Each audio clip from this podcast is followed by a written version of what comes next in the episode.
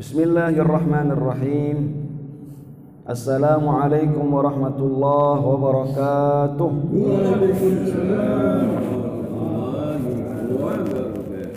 الحمد لله الحمد لله الحمد لله الواحد القهار القوي المتين الجبار. وأشهد أن سيدنا محمدا رسول الله صلى الله عليه وسلم. الصفي المختار اما بعد hadirin bapak ibu yang dimuliakan oleh Allah Subhanahu wa taala ada banyak orang bertanya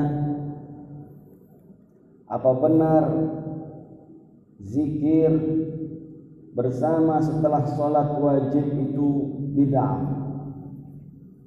Satu, dua, tiga orang bertanya kepada saya tentang ini.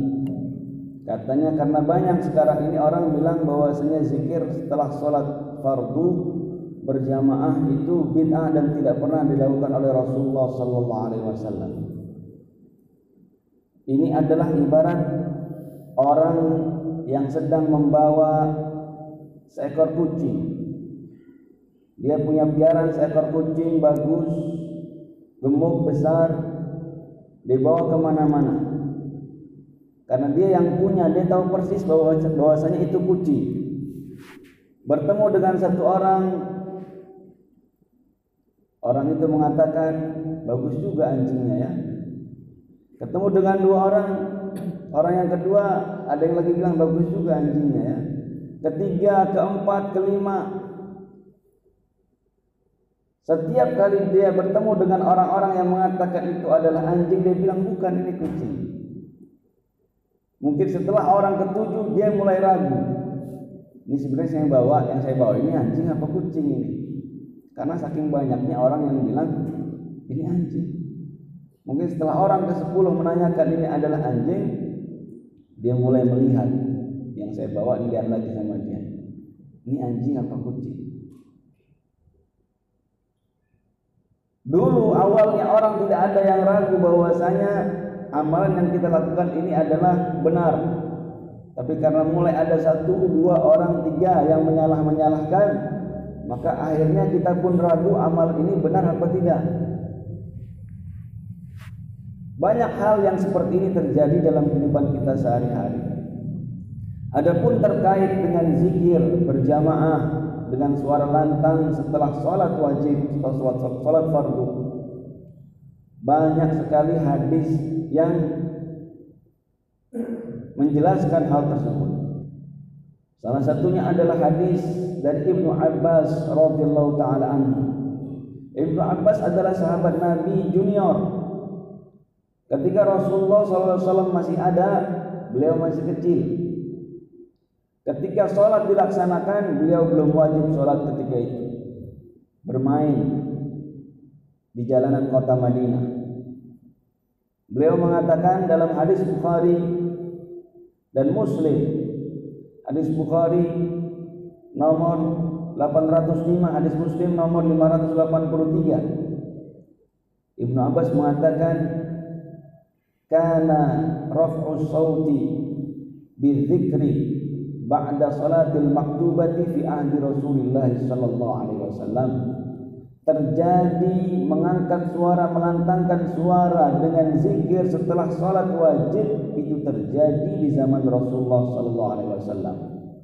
Kemudian beliau menambahkan wa kuntu a'rifu inqidha'a salati Rasulillah sallallahu alaihi wasallam bitasbih.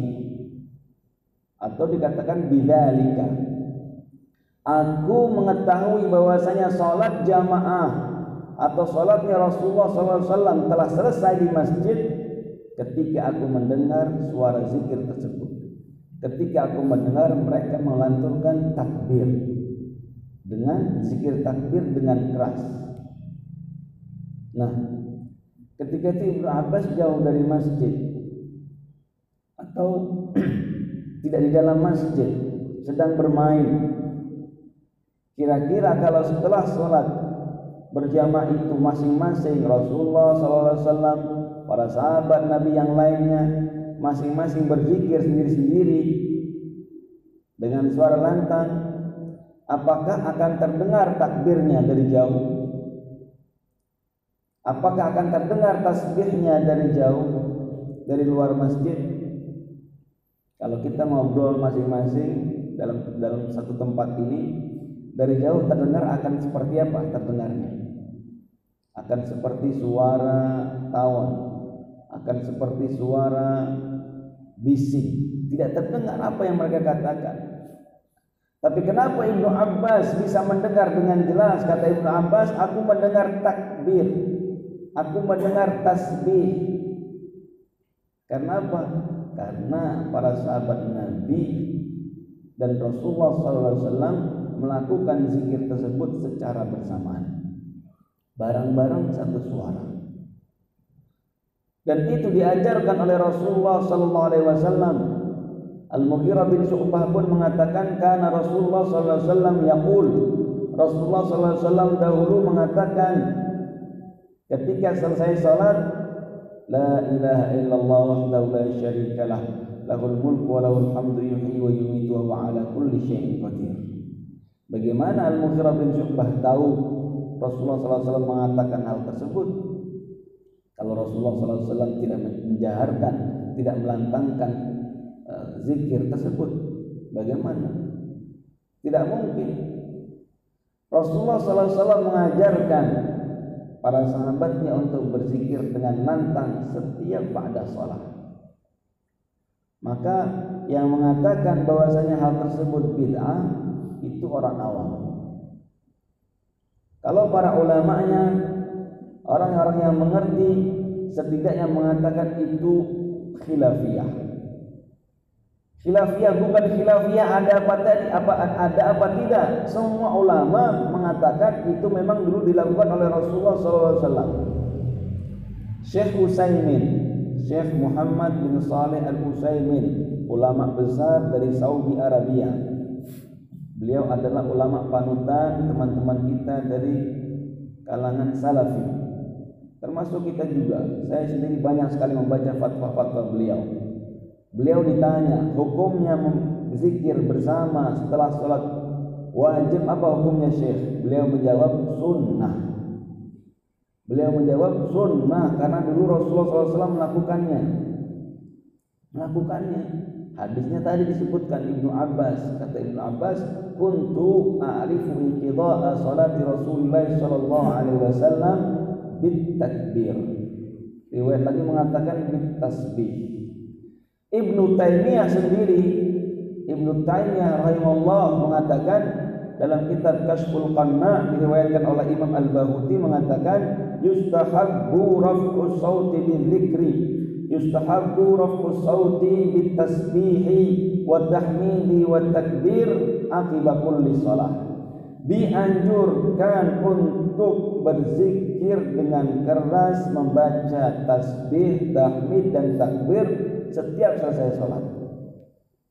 Setiap selesai sholat. Maka membaca berzikir bersama setiap pada sholat tidak ada masalah itu dilakukan oleh Rasulullah SAW. Bagaimana kita mengatakan bid'ah padahal itu dilakukan oleh Rasulullah SAW dan hadisnya ada. Hadisnya Bukhari lagi dan Muslim. Hadis Sahih Bukhari itu dikatakan oleh para ulama adalah kitab yang paling sahih setelah Al-Quran. Al-Quran kan kitab yang paling benar, tidak ada kesalahan di dalamnya.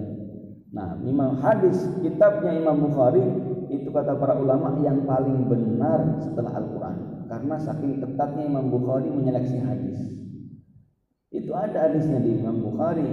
Tadi nomor 800 0805 805 dan 806 dan juga ada hadisnya di Sahih Muslim. Belum lagi hadis-hadis umum terkait zikir-zikir berjamaah.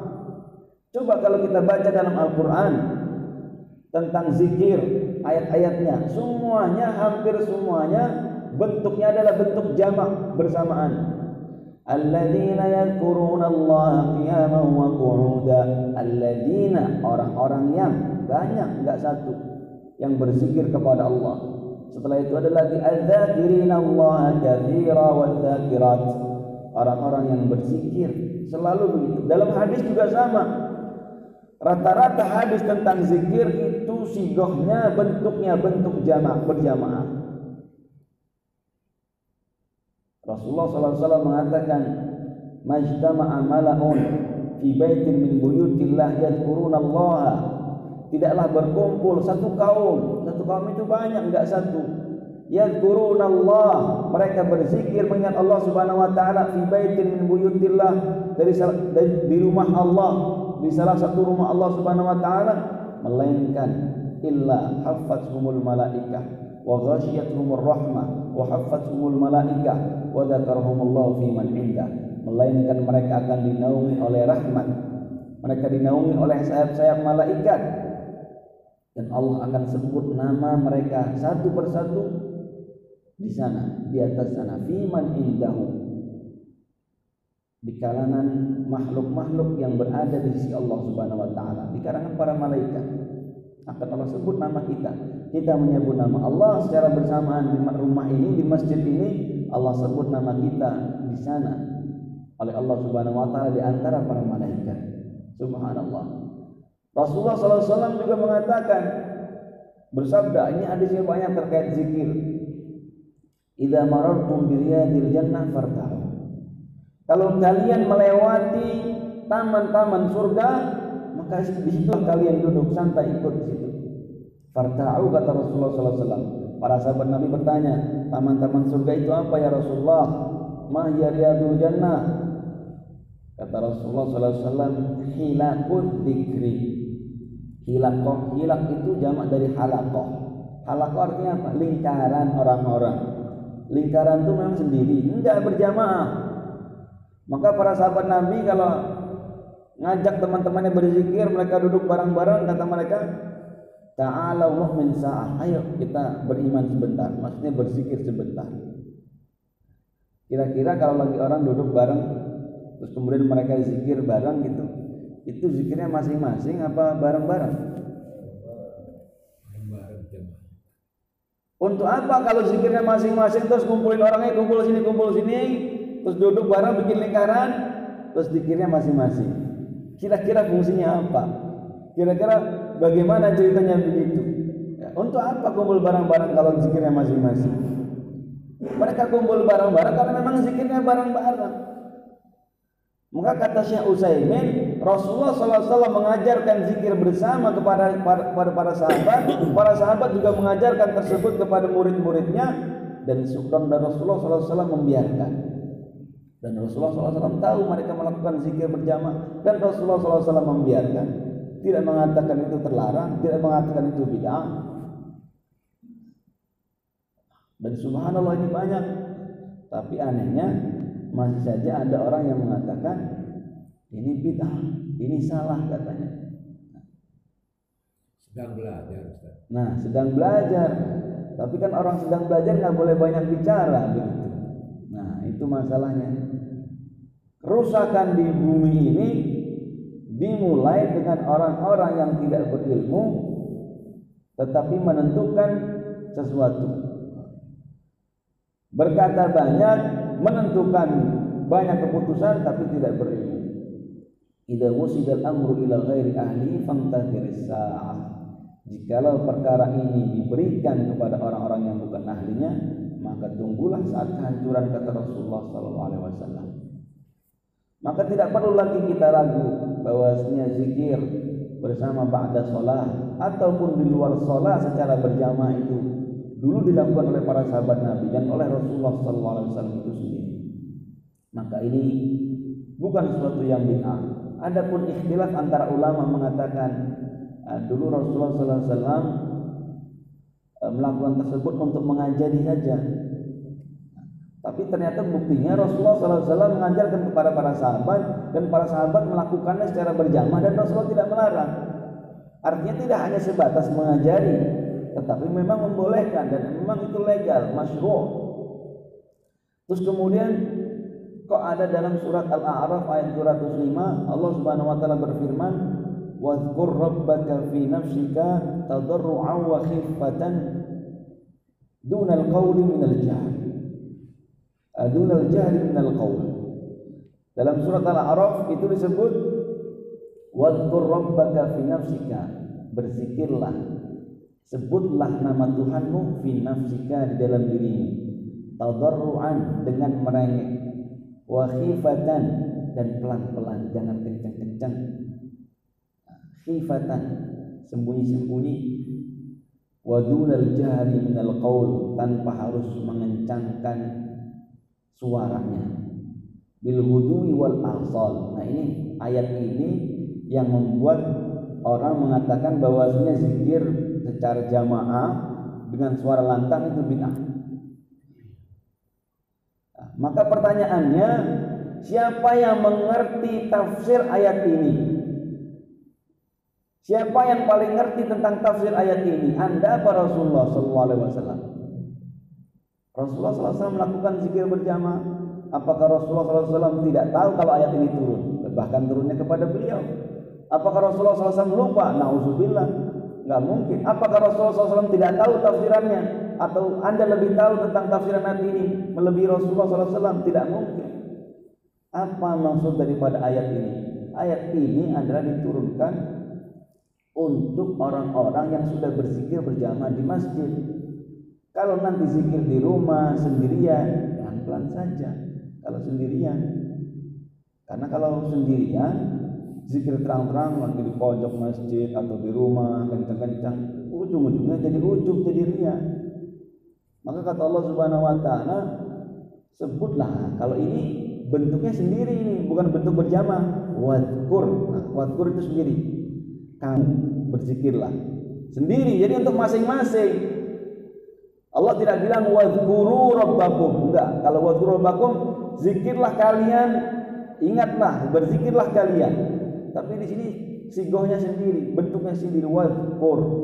Kamu sebutlah nama Tuhanmu dalam dirimu. Mu pakainya bukan kalian. Jadi ini sebenarnya untuk sendiri. Nah, itulah kata menurut Syekh Utsaimin maksud daripada ayat ini begini.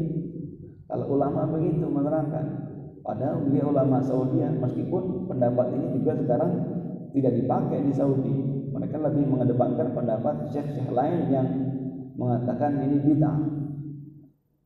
Padahal seharusnya nggak begitu. Karena tadi sudah dijelaskan hadis-hadisnya, ayat-ayatnya banyak tentang zikir berjamaah. Wallahu a'lam bishawab. Semoga ini bermanfaat dan dapat memberikan pencerahan bagi kita semua. Warahmatullahi wabarakatuh. Kita berdoa kepada Allah Subhanahu wa taala. Kita doakan saudara-saudara kita yang tertimpa musibah, yang terlilit hutang, terutama kita doakan saudara-saudara kita yang di Gaza di Palestina semoga Allah Subhanahu wa taala berikan mereka kekuatan kesabaran dan semoga Allah membukakan hati-hati para pemimpin umat Islam ini untuk membantu mereka yang tertindas di sana al-hadini wa ala kulli salihah ila hadratin Nabi Mustafa Rasulullah sallallahu alaihi wasallam al-Fatihah A'udzu billahi minasyaitonir rajim Bismillahirrahmanirrahim